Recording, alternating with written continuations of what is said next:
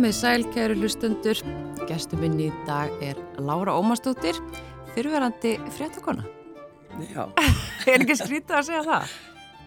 ég veit ekki, mér finnst ekki, mér finnst þetta bara, hérna, frábært einhvern veginn, ég veit ekki, ég er óalega ána með þessa ákvörðum mín að hætta hérna á rúf. Ekki það að vera neitt leiðilt að vinna á rúf, alls ekki og ég var ekki að leita neitt vinnu eða neitt þannig að bara, það bara svona datt í fangi á mér akkurat á réttum tíma.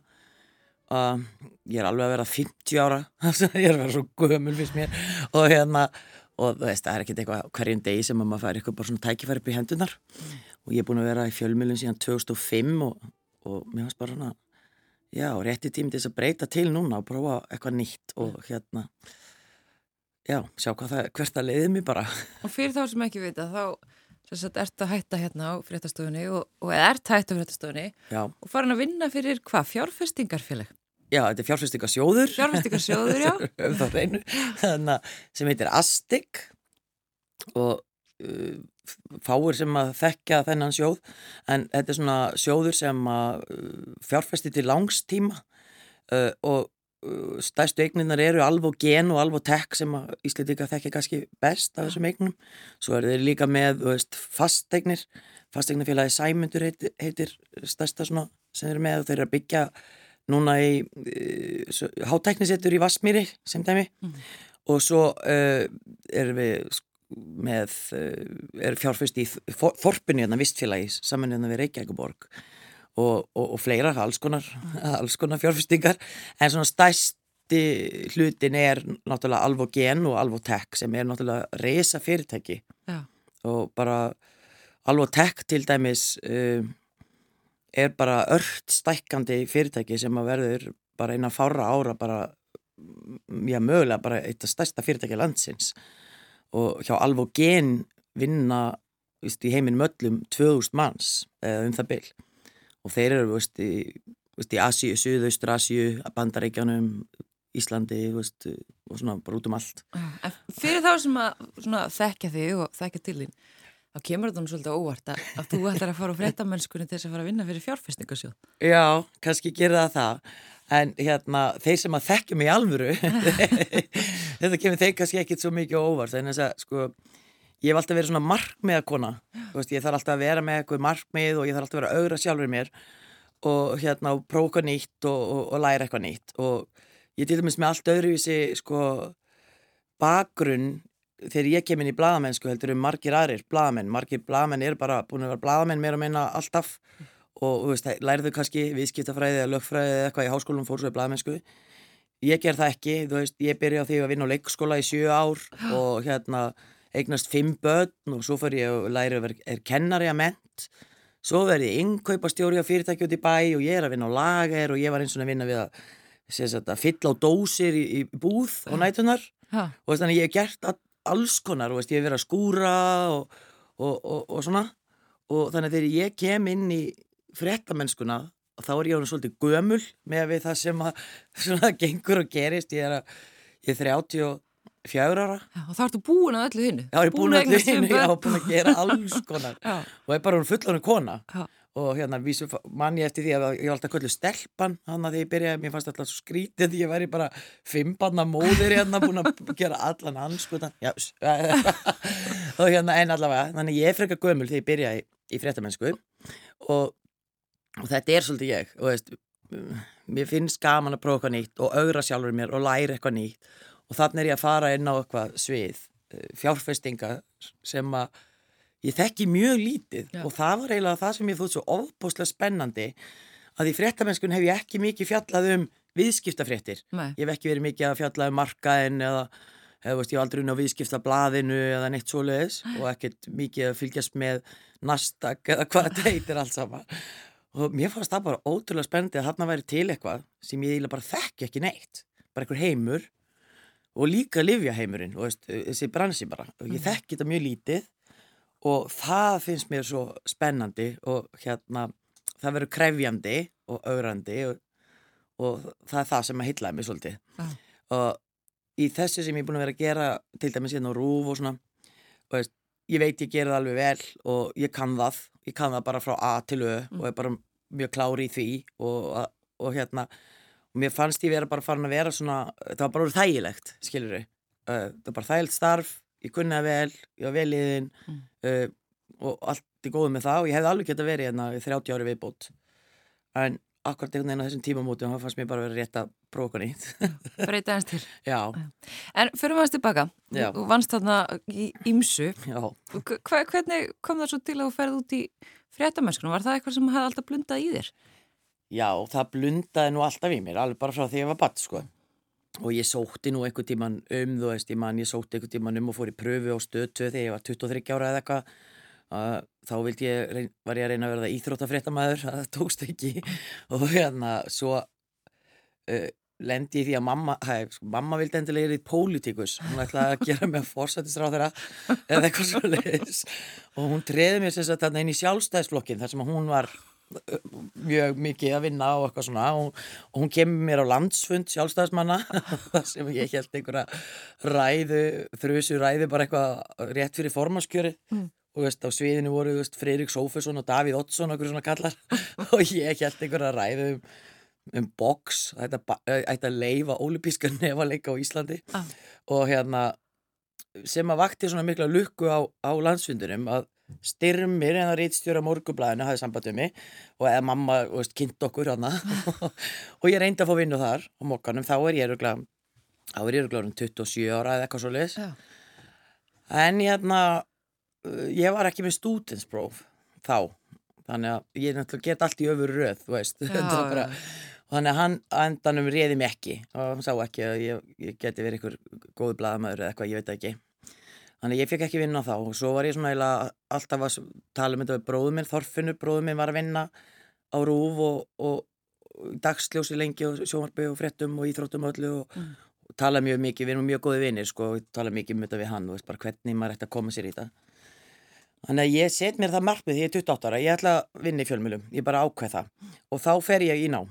Og ég fer og klára stúdinsprófið og fer síðan í háskólanám og hérna og, og klára kennaramentun og ég tók eiginlega kennaramentuna því að, að ég má ekki segja þetta en, en ég, ég hugsa að það getur verið svona auðvelt að taka það með þú veist, öllum þessum bönnum Já, og ég að er sko stela Já. og hérna það passaði einhvern veginn við, við og ég hérna á sko fjögur börn þegar ég byrjaði í kennó og eitt er að var langveikt sko, mjög veikt bann Mm. og hérna, að mér fannst það henda vel að vera kennar háskólan. Mm. Ég veit að kennarnir þar voru ekki alveg sammála með mætinguna mín og svona, en það er eins að en ég klára það og ég sagt, er stærfræði og íslensku kennari að ment. Já, Svo fer ég að kenna, ég útskrifast 2004 og eignast barn í leiðinni, hana í janúar 2004, þannig að síðustu önnina mín er ég með hann bara í skólanum allan tíman. Já, bara með þér. Já, ég held að hann hafi verið, hann fætti sko aðfæra nátt mánudags og hann kemur með mér í skólan á 50 degi, þannig að hann er bara alltaf með mér í skólanum. Og hann var náttúrulega svo ljúft barna var ekkert vesen, þannig að, og svo náttúrulega ég er mikill í þjálfum búin að eiga öll þessi börn og svona. Já. og hann útskrifast með mér og hérna, ég sé það alltaf, hann sé kennari svo ég. Og svo fer ég að kenna um haustið en á meðan, sko, þetta, þetta er náttúrulega ég var búin að vera að vinna alltaf með, hjá Office One hérna, dagugrúp Já, svona á sumrin og um jólin og með skólanum náttúrulega því að það er ekki nóg að vera með fjölskyldu bara. En þú varst alltaf að vinna með skólanum líka. já, já, Og með vinna. fimm. já, já, það gerði allt í einu. Og hérna, og ég fyrir að kenna um hausti 2004 og svo kemur verkfall. Og ég nýtti tækjaverð bara til þess að hætta að kenna það hendaði mér mjög illa einhvern veginn að ég þyrti alltaf ég mætti aldrei fara í kaffi fyrir klukkan hálf tíu til tíu myndur í eða í mat klukkan eitthvað og það var einhverju fimm mínúna fríminúti hér og þar. Og veist, þetta var ekki fyrir mig. En það sko hef ég aldrei ég átti mjög öll með að læra en ég átti aldrei gott með að vera í skóla. Veist, þannig séð. Ég er mjög góðið að læra en svona átti erfitt með að sitja kjúr það er verður svona innan þessa ramma. Já, já. og ég meina í grunnskóla og svona var alltaf að að segja við mig að ég yrði alveg, það yrði aldrei neitt úr mér og eitthvað svona, því ég, alltaf sagt við mömmu, hún er alveg klár en hún bara getur ekki verið kjur og haldi kæfti, hún getur það bara ekki þannig að, Óstýrlátt. já, ég þótti það eitthvað baldinn, ég veit ekki Já. en já, þannig að ég hætti og fyrir að vinna þá sem hjá Office One, bara fullt starf og gerist þar innkaupastjóri svo er fyrirtæki selt og búta niður og ég missi vinna og verða atvinnulegs fyrir að vinna á lager sem að, hérna hjá skífunni og er bara þar að pakka geisladiskum í veist, í kassa og, og bara svona venilegt lagerstarf Mhm. og þegar að NFS er búið til hérna mm, sem var svona fyrirbæri sem að átt að vera svona fréttastofa sem var með fréttir allan sólarhengin og bara sjómasfréttir á klukkutíman fresti og frétta yfirlit á, á hálfa tímanum Ah. Og veist, stóri fréttatíma klukkan 12, 5 og 7 og eitthvað svona 10 og þetta var rosa projekt og rosa gaman. Þorfinni fyrir sérst að vinna þar, bróður minn. Svo er ég eitthvað tíma hjá honum eitthvað í, veist, í mati eða kaffi eða eitthvað og, og hérna, hún finnst alveg ómögulegt ég sé að vinna á þessum lager. Og það er bara, akkur kemur þú ekki bara að vinna á NFS og ég var eiginlega alveg sko, ég vissi ég fengi aldrei vinnu á rúf ég var alveg búin að finna það, ég var mörgur sem búin að sækja um vinnu á rúf alls konar vinnu, þú veist, skriftu þú veist, aðstofmaður á safninu ég þú veist, sótt um stundin okkar þú veist, ég sótt um allt á rúf og ég vissi alveg að ég fengi aldrei vinnu á rúf og meðan pappi minn væri að vinna á rúf Já. og hérna þú veist, það var bara þannig, ég fann það bara að, veist, og það var ekki nokkuð leið að hann myndi nokkuð tíman lifta svo mikið sem sko nöglin og litlu fingri til þess að hjálpa mann eitthvað áfram í ykkur slíku. Og fyrir þá sem ekki veit þá er það náttúrulega Ómar Ragnarsson. Já, og hann er náttúrulega bara mjög stórt nafn á rúf og ég var alveg búin að sjá það að það var ekki nokkuð leið að ég, veist, fengi vinnu hér. Kannski auðvitað það sem margir halda. Já, kannski. Að fólk komist inn svona gegnum. Já, nei, það var sko ekki. Það var alveg bara, ég reyndi mikið, sko. Já. Og hérna, þannig að þegar að hann, sko, Þorfunni segi þetta við mig og ég sé bara, já, ég var kannski alveg til í þetta. Svo er ég að vinna bara á lagarnum og þá ringir hann í mig bara og segir bara, heyrðu, þeir hérna Róbert Marshall og Sigmundur Ernir og eitthvað eru tilbúin til að hitta, ég bara getur komið bara núna. Og ég fæ bara taka langan hátismann á lagarnum og hérna fer ég vitt alveg þá. Og ég man alltaf að hérna Sigmundur Ernir spyr svona hann segir svona við mig ertu með hálsbólgu eða er þetta röddin þín? Og ég bara þetta er bara röddin mín. Og hann bara wow, þetta er með geggjaða rödd. Og ég var eiginlega bara ráðinn og ég fór ekkert aftur upp á lagar, ég hringdi bara og sagði bara ég er hætt og byrjaði bara Já. og byrjaði bara, fekk bara myndavél og, og, og, og bara byrjaði og Bara hent út í djúbulöðuna. já, Já. veist, ég held ég að fengið svona eitthvað eitthvað 20 mínna svona kennslu bara hérna er rekk og hérna er fókus og hérna er, veist, eitthvað á myndavélni Og tókst bara upp sjálf. tók allt upp sjálf og veist, þetta var svona kallast VJ, sem sagt video journalist þannig að maður fó bara með kameruna og, og hérna og gerði allt sjálfur. Og, og hérna, og ég gerði það. Og einhver luta vegna þá lág þetta bara einhvern veginn vel fyrir mér. Vegna þess að ég var ekki búin að vera þar lengi veist, ég var bara búin að vera nokkra daga þegar ég fekk að, þessi, þegar ég var send að gera sko fréttir fyrir stöð 2 sem að þú veist, flestir sem að voru NFS teimi sem ég var í voru, við vorum köllu hérna frétta tökubötn eða eitthvað álíka þú veist, við vorum svo vitlis og eitthvað svona. Og, og hérna, það voru mjög fáið þaðan sem komust þaðan og yfir, þú veist, á stöð 2 Já.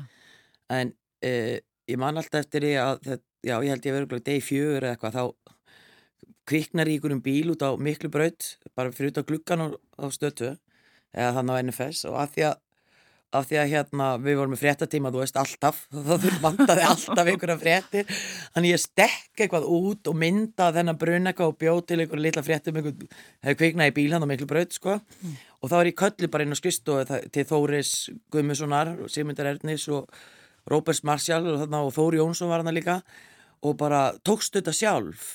Og ég, já, ég tók þetta nú sjálf og, bara, og gerði þetta allt sjálf því ég klifti líka sjálf og svona. Já. Það bara, já, þetta er greinileg eitthvað í blóðinu, sko og það, þú veist, og þar með bara þú veist, þetta, þetta virtist bara liggja rosalega vel fyrir mér, þú veist, ég líka náttúrulega bara ólst upp við það að að það væri verið að gera fréttir það var alveg sama við, hvort ég var á spánu eða, veist, útilega hvar maður var það var alltaf verið að gera fréttir Var pappiðin bara alltaf að? hann var alltaf að, sko Já. hann var alltaf að vinna Og hvernig þá? Bara þegar voru ferðalagi í landið þá bara... Já, það var bara alltaf eitthvað. Ferðalögin snýrist um það. Þú veist, við maður fór, sem bara, já, við erum að fara hérna, við erum að fara öll hérna til Ísafjörðar og svo, þá var það ekki til þess að fara til Ísafjörðar og vera bara eitthvað gaman og, og, og með fjölskyldunni þá var það því að var eitthvað fréttar, skilur. Þannig að þú veist, ferðalögin voru öll tengd vinnunni hans, Já. það var ekki hérna, öfugt, að vísu gerðist það líka stundum maður var kannski einhver útileg fjölskyld útileg hjá mömmu minni eða svona ættamót og, veist, og það var, þá fann hann eitthvað þar sem var veist, þannig að það var alveg sama hvar maður var. Þú þekktir þetta alveg, þetta lág svona fyrir þér. Já, ég, ég held að það hafi bara verið þannig, skilur Já. og ég menna, þegar ég var stelpað, þú veist, þá voru kannski handrit heima vélrituð eftir hann og svona og þú veist, maður var að leika með það og skrifin á það veist, og eðalegja þau og eitthvað svona eða veist, þetta var bara, já, allir það ekki Já. og ég held að, veist, það lítur að skila sér einhvern veginn þetta bara allast upp inn í þessu og ég menna, ég var oft veist, sjómasúsinu og laugavegi bara mjög mikið og, og hérna, útvarshúsi og svona, veist, Mhm. þannig að maður elst svolítið svona upp innan um þetta allt saman og svona lítið sem þurft að kenna mér, en það var nú samt alveg alls konar sem þetta læra, sko, Já. En þú, svo, hvað ertu þá lengi? NFS náttúrulega lifði ekki lengi. Nei, það held ekki ég heilt ár en, hérna, en þetta var frábær tími þetta var sko það skemmtilegasta bara sem ég gert sko Og örgulega talsverður skóli að fara beint út í þetta. Já, þetta var búa til fréttir allan sólaríkis. Já, þetta var bara mjög, mjög krefjandi og skemmtilegt og sko, hérna ég man til dæmis einu sinni á 17. júni og þá var ég bara sko, það var Heimi Már Pétursson var vaktstjóri og við vorum bara tvö semst, á fréttavakt og hann ákveður að senda hinn fréttamannin veist, austu fyrir fjall, eitthvað á Selfossu eitthvað, það var eitthvað að gerast þar og þetta var 17. júni og þannig að ég átti að taka allt hitt sem að var, þú veist hérna, setja hérna, kransin og leiði hjóni og það var uh, ræðanir uh, torgi og það var fálka orðan þarna og svo var ykkur frétt og, og ég held að þennan dag haf ég búið til 11 sjóhansfréttir sem er náttúrulega bara eitthvað rugg Já.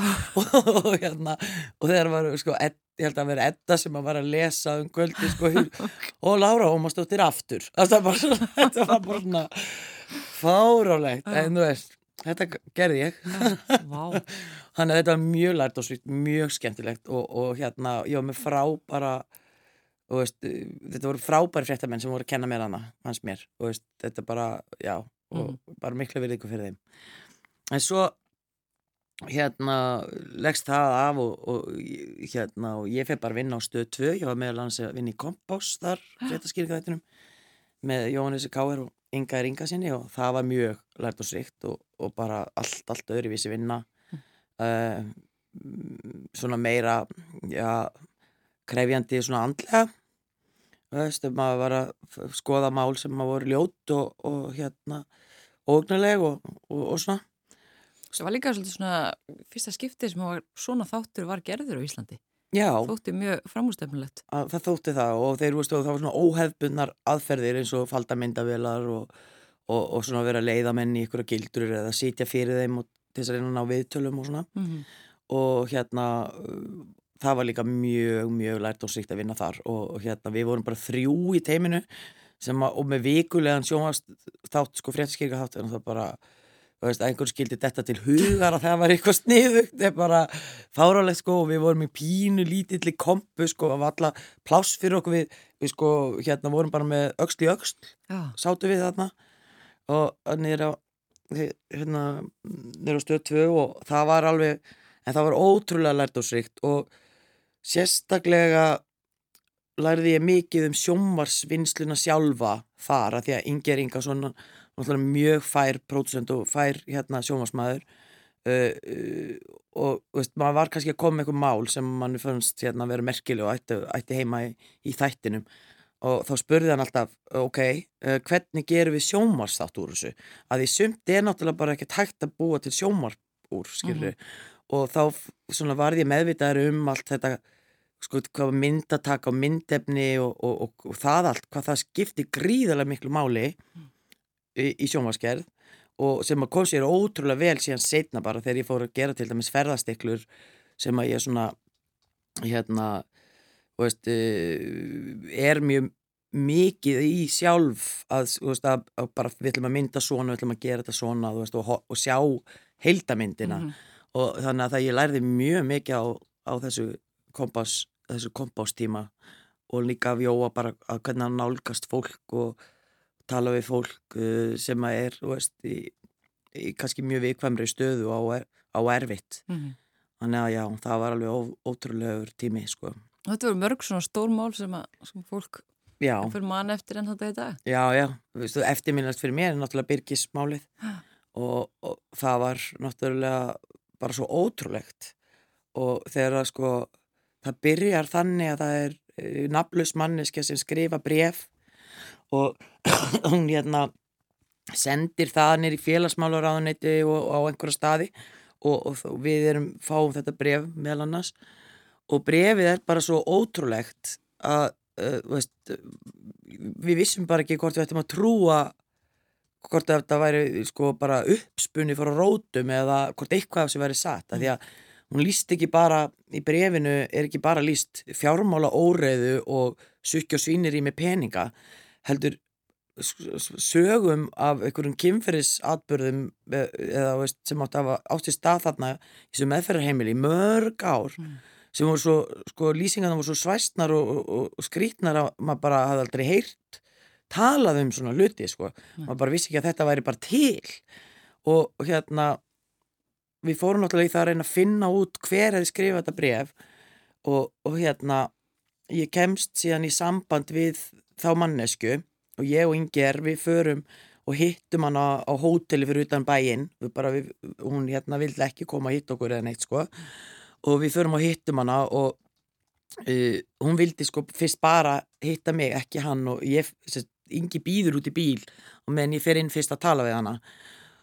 Og hérna eftir að hafa talað við henni svolítið stund þá samþykir hún semst að koma í viðtal Já. og segja sína sögu sem er eiginlega svona upphafað þessu öllu saman og hérna uh, og það svona vatt upp á sig og verður að þessum byrgistætti sem að mörgum þótti náttúrulega bara já bara hann var mjög sjokkarandi. Mm -hmm.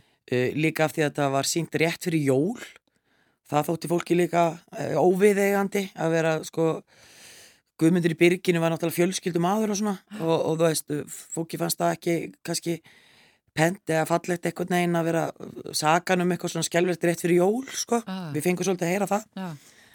og hérna en ég menna að það kemur síðan náttúrulega bara í ljós að þetta var, var allt satt sko og, og veistu maðurinn fær dóm og, og veistu þetta er tekið upp álþingi og veistu byrginu lokað og allt þetta, þetta er náttúrulega var reysa mál Já, sem bara byrja bara með eitthvað svona pínlitli og vindur svo upp á sig. Já, pínlitli brefi og ég mani með þetta sko Var, við vorum svona að vandarast eitthvað með hvernig við ættum að finna þess að mannski sem skrifa brefið og þá, ég held að það veri Jói Káar frekar en Þóri Jónsson sem fekk þá hugmynd að þá bara Guðmynd í, í viðtal mm. og ég tók viðtal við Guðmynd í byrginu bara þarna nokkur um dögum á hann þáttunni og þrýðu degi eða eitthvað, þetta gerist allt mjög hratt mm -hmm. þetta bara mm.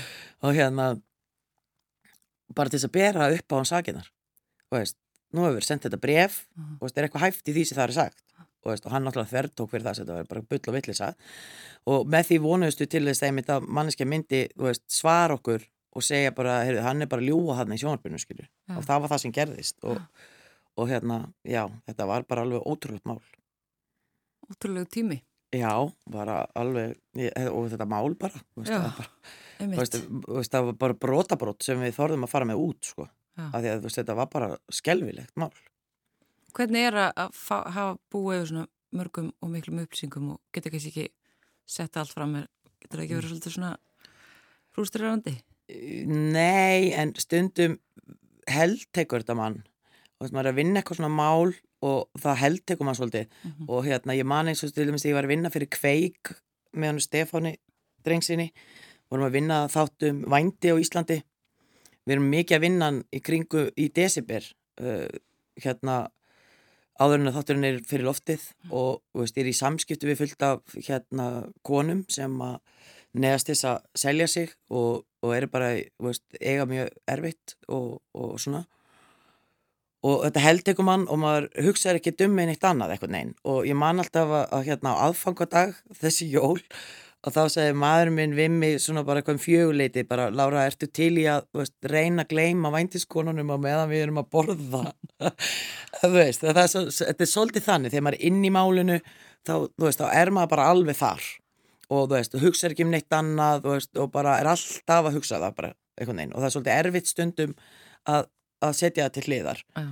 en svo finnst mér þetta samt svolítið svona eins og ef ég var eins og réttönd að lýsa þegar þeir eru að skrifa bók. Uh -huh. Og síðan maður er komið út þá er það bara komið út. Já. og þá getur maður bara sögt sér í eitthvað annað þú veist, jújú, jú, það verður eitthvað smá eftirfylgni og eitthvað, en maður getur samt sem maður hægt að hugsa um það bara öllum stundum. Mhm. og hérna uh, já, þetta er svolítið þannig. En ég meina það eru náttúrulega alveg ég hef alveg farið í mjög mörg erfi mál og, og hérna, veist, ég hef alveg gegnum tíðina, veist, lendi veist, maður er á lendi að vera hótað og allavega hana, sko.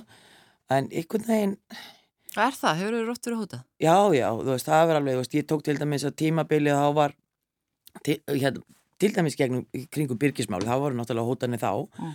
svo til dæmis fjalla ég mikið á tímabili um uh, glæpagengi á Íslandi, þú veist, Hells Angels, Outlaws og þetta Mm og þá fekk ég alveg hótanir og þú veist, ég, já, já, ég, þú veist, það bara gerist alltaf reglulega Standar hrætt? Nei, ég aldrei þú veist það bara uh, nei, það er bara svo skrítið sko, ég hef bara aldrei verið rætt við það. Nei. og hérna ég líka bara hefur svona ofutrú á því ég geti bara að tala við alla. Ég veit ekki af hverju, ég held að það sé að tala við alla ég held að allir séu með einhvers konar skynsemi veist, og hérna ég hef alveg talað við uh, veist, ég hef talað við dæmda barnanýðinga, ég hef talað við dæmda hérna ofbeldismenn og veist, menn sem hafa fram með morð og ég hef talað við alls konar fólk. Bara í síma sem þau ringt í mig eitthvað. Mér hefur einhvern veginn alltaf einhvern veginn tekið bara að tala við fólk skilur Mm. ég veit ekkert. Þannig að ég hef aldrei, nei, ég hef aldrei upplifið að það er verið hrætt En þú hefur náða að fólk er að ringið og hóta þú náð bara að... já, ég, ég hef bara gert það sko. Og bara tala við það ég, já. og ég held að það sé svolítið líkillin að, að þessu starfi að það er að geta, veist, þú er að geta að tala við fólk sko. og ég er að vona að, veist, að það sé líka líkillin að nýja starfi að það er að geta að tala við fólk. Þú veist, já, þetta snýst í rauninni allt í grunninn um bara góð samskipti og, og bera virðingu fyrir öllum og veist, það hafa allir, allir eitthvað til brunns að bera, það hafa allir og veist, það gera allir eitthvað tíma mistök, það er bara mistór hjá fólki skýrri og hérna og, já, maður á bara að bera virðingu fyrir öllum, finnst mér, já, ég er svolítið þar Mm En svo það er þessi erfiðumál og, og, og þessi miklu og stóru fréttamál sem hefur verið í. En svo ertu líka þess að milli upp á fjöllum og Mm. Já. allstaðar Já. fyrirnendum, ég veit ekki hvað og hvað upp á hálendi. Já, sem er veist, sem er æðislegt við, sko Ísland er veist, þetta er bara, þetta er ótrúlega fallet land og, og hérna, það er bara út um allt á Íslandi eru staðir sem eru bara leitadómar, þú veist, það er bara þetta gleyma sér, þú veist, ég get seti bara eitthvað ég get bara seti eitthvað úti og bara sitar bara bara, veist, ég sitar bara klukkutíu saman Já. og ég get bara verið þar alein þú veist, er bara allt í lagi veist, eða lapp ekkert eða, e, veist, það bara frábært og ég stundum, sko, þegar útlendingar að spyrja mig eitthvað út í þetta, hvað er það og eitthvað svona, veist, það er margir fallið staði til í heiminum Mm uh, sem dæmi, þá líkir þessu stundu við, sko, ef, þú ert í veist, þá ertu í ölpunum, þú ert með stórkostli fjöll Mm. mm. engi spurning, mjög fallið fjöll og, og hérna, og eitthvað tré, sko -hmm. en þú ert ekki með ef þú bara keirir í því bara og þú ert bara þar í marga, marga, marga klukkutíma og þú kemur eitthvað annað landslag Mhm. á Íslandi þá bara keirir hérna frá Reykjavík í tvo tíma og þú ert með sko sanda, þú ert með fossa þú ert með fjöll, þú ert með jökla, þú ert með gras þú ert með, þú ert með allt, þú ert með hveri þú veist, þú fær bara alla flóru bara að landslagsflóruna bara sem til er bara á stuttum kabla Já. og þetta er það held ég líka sem að svona er svona heitlandi og veist, þú og ættum að geta selt bara, finnst mér, er bara og veist, kontu til Íslands og þá sérðu bara allt Og alls konar veður Já, líka. og það er ekkert að fara langt Nei, nei. og svo er ekkert svo margt fólk hérna þannig að þú veist, það er ekki eins og þú sért einhver staðar sko, hérna í kremju Nei. þú getur alltaf fundið stað á Íslandi það er bara, alls, bara stutt frá það sem hún getur verið einn bara aðlitn í heiminum Mhm. Og svo hef ég náttúrulega farið veist, á staði þar sem ég, ég fundi vel fyrir náttúröflunum uh, og veist, þar sem er eldgóst til dæmis eða þegar maður bara stendur sandinum norðan vatnajökuls einn, því ég hef einu sinni lendi því að vera skilin og þar eftir að það, hérna, og bara með auðn Já. í allar áttir og Ekki, akkur var sem skilin þar einn eftir. Þú var að stoppa Ó þar. nei, já Já, æ, það var það var smá æmintýri þannig að lendi því sem sagt að ég var einn á stöttu og hérna á sunnudegi og, og það var eitthvað svona látið eða eitthvað ekkert í fréttum eitthvað. Og, og hérna það hefði verið eitthvað skjáltar við upptippinga þannig ég hugsaði með mér, já best að bara gera fréttum það. Er ekki bara að koma eldgóðs í upptippingum? Og ég ringi Pála Einarsson jarfræðing og spyr, spyr hann hvort að þess að ég kom á eldgóðs þarna og hann segi bara, ég get alveg komið frið og sagt eitthvað um það, veist, eitthvað um þess að skjálta ég segi, ok, hvað er þú? hann segi, ég er í ég er hérna í ösku og ég bara Aska er sem sagt sko bara í miðju landi ef, ef, veit, ef fólk veit ekki, norðan vatnajökul mjög langt fyrir Reykjavík. Þannig ég hafa svona sólskist dag þannig ég ringi í pappa og spyr hann hvort það vil ekki skuttla mig bara upp í ösku og, og mér og tökum hann Baldur Rappkjell fór með mér, tökum hann á stöðtöð og við förum á stað og ég samfarði hérna, vakstfjörun á stöðinu um það að þetta er stórkoslegt ég get alveg með þryggja mín að frétt þess vegna ah. og hún er í fyrsta frétt og ég lofa að vera komin heim og veist, búin að klára hana fyrir hálf sjö sko. ah. og hann bara ok, veist, það er þá þannig og svo förum við og hérna nema það var ekki hægt að lenda við ösku við þurfum að lenda við herðubræðlindir og það er svona cirka hvað, alltaf þessi ekki 35-40 kílómetrar þarna milli og hérna þar þurfti ég að húka mig far yfir í ösku. Og við baldur fundum hann eitthvað sem betur fyrir eitthvað sem var á bíl og var til að skull okkur yfir í ösku. Nema þegar við komum þangað að þá er Páll ekki þar. Og hérna þannig ég ringi Páll og bara byrja hvað ertu núna? Þá var hann komin í Kverkjöld sem er sko 60-50 km sunnar. Oh. og pappi náttúrulega e, eitthvað staðar og hérna, hann, pappi var búin að segja hann ætla að taka loft í herðubröðlindum mm. fljúa yfir ösku vink okkur eitthvað með vengjónum eitthvað svona mm. og síðan ættu allan að lenda eitthvað stað bara þetta fyrir neðan einn, að því hann geti tekið loft með okkur þaðan og allt í lagi með það nema svo hérna við erum þannig að svo flýgur pappi hann yfir og ég bara svona, hérna við erum að finna okkur eitthvað bíl til þess að skull okkur hérna nýra á sanda og hérna þeir sem ekki hafa komið hann þá er þetta bara svartir sandar á milli jökla? Og veistu, við erum að tala um sko, sko hérna fleiri, fleiri, fleiri ferrkilometra af söndum. Mm -hmm. og þetta er bara algjör eðimörk, þetta er stærsta eðimörk í Evrópu. Og hérna þeir keira með okkur stað og við fyrir að reyna að finna pappa eitthvað stað hérna á söndunum.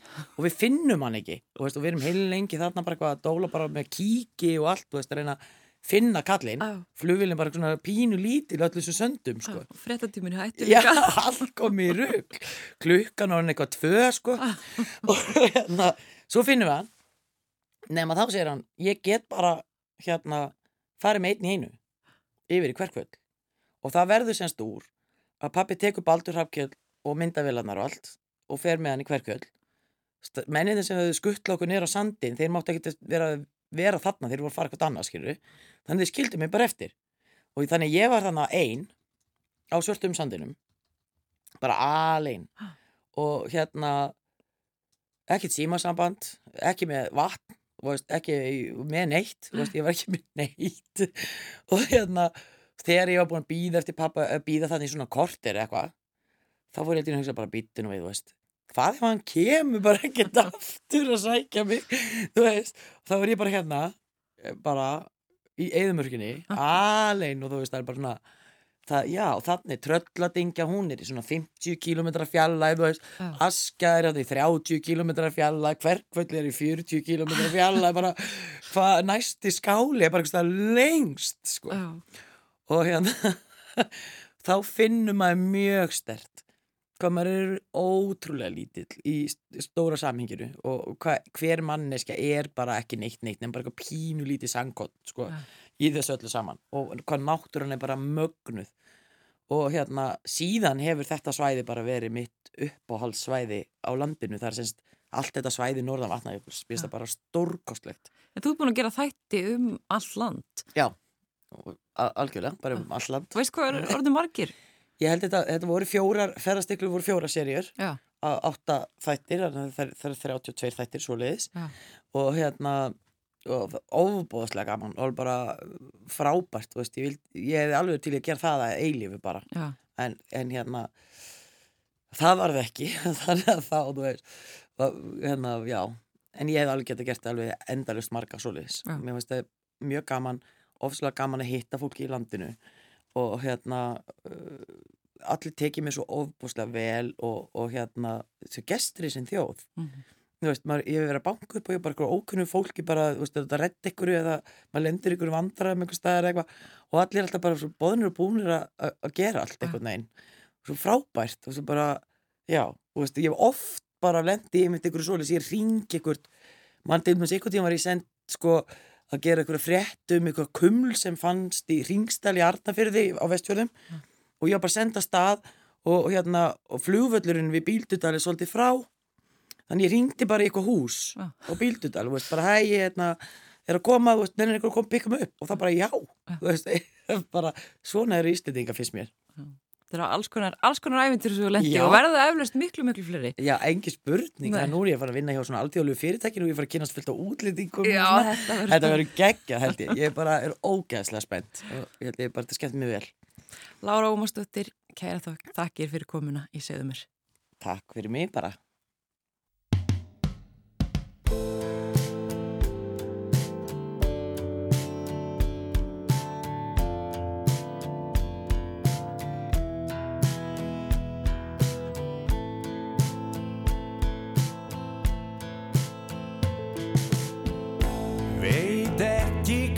vakti mig. Vill liggja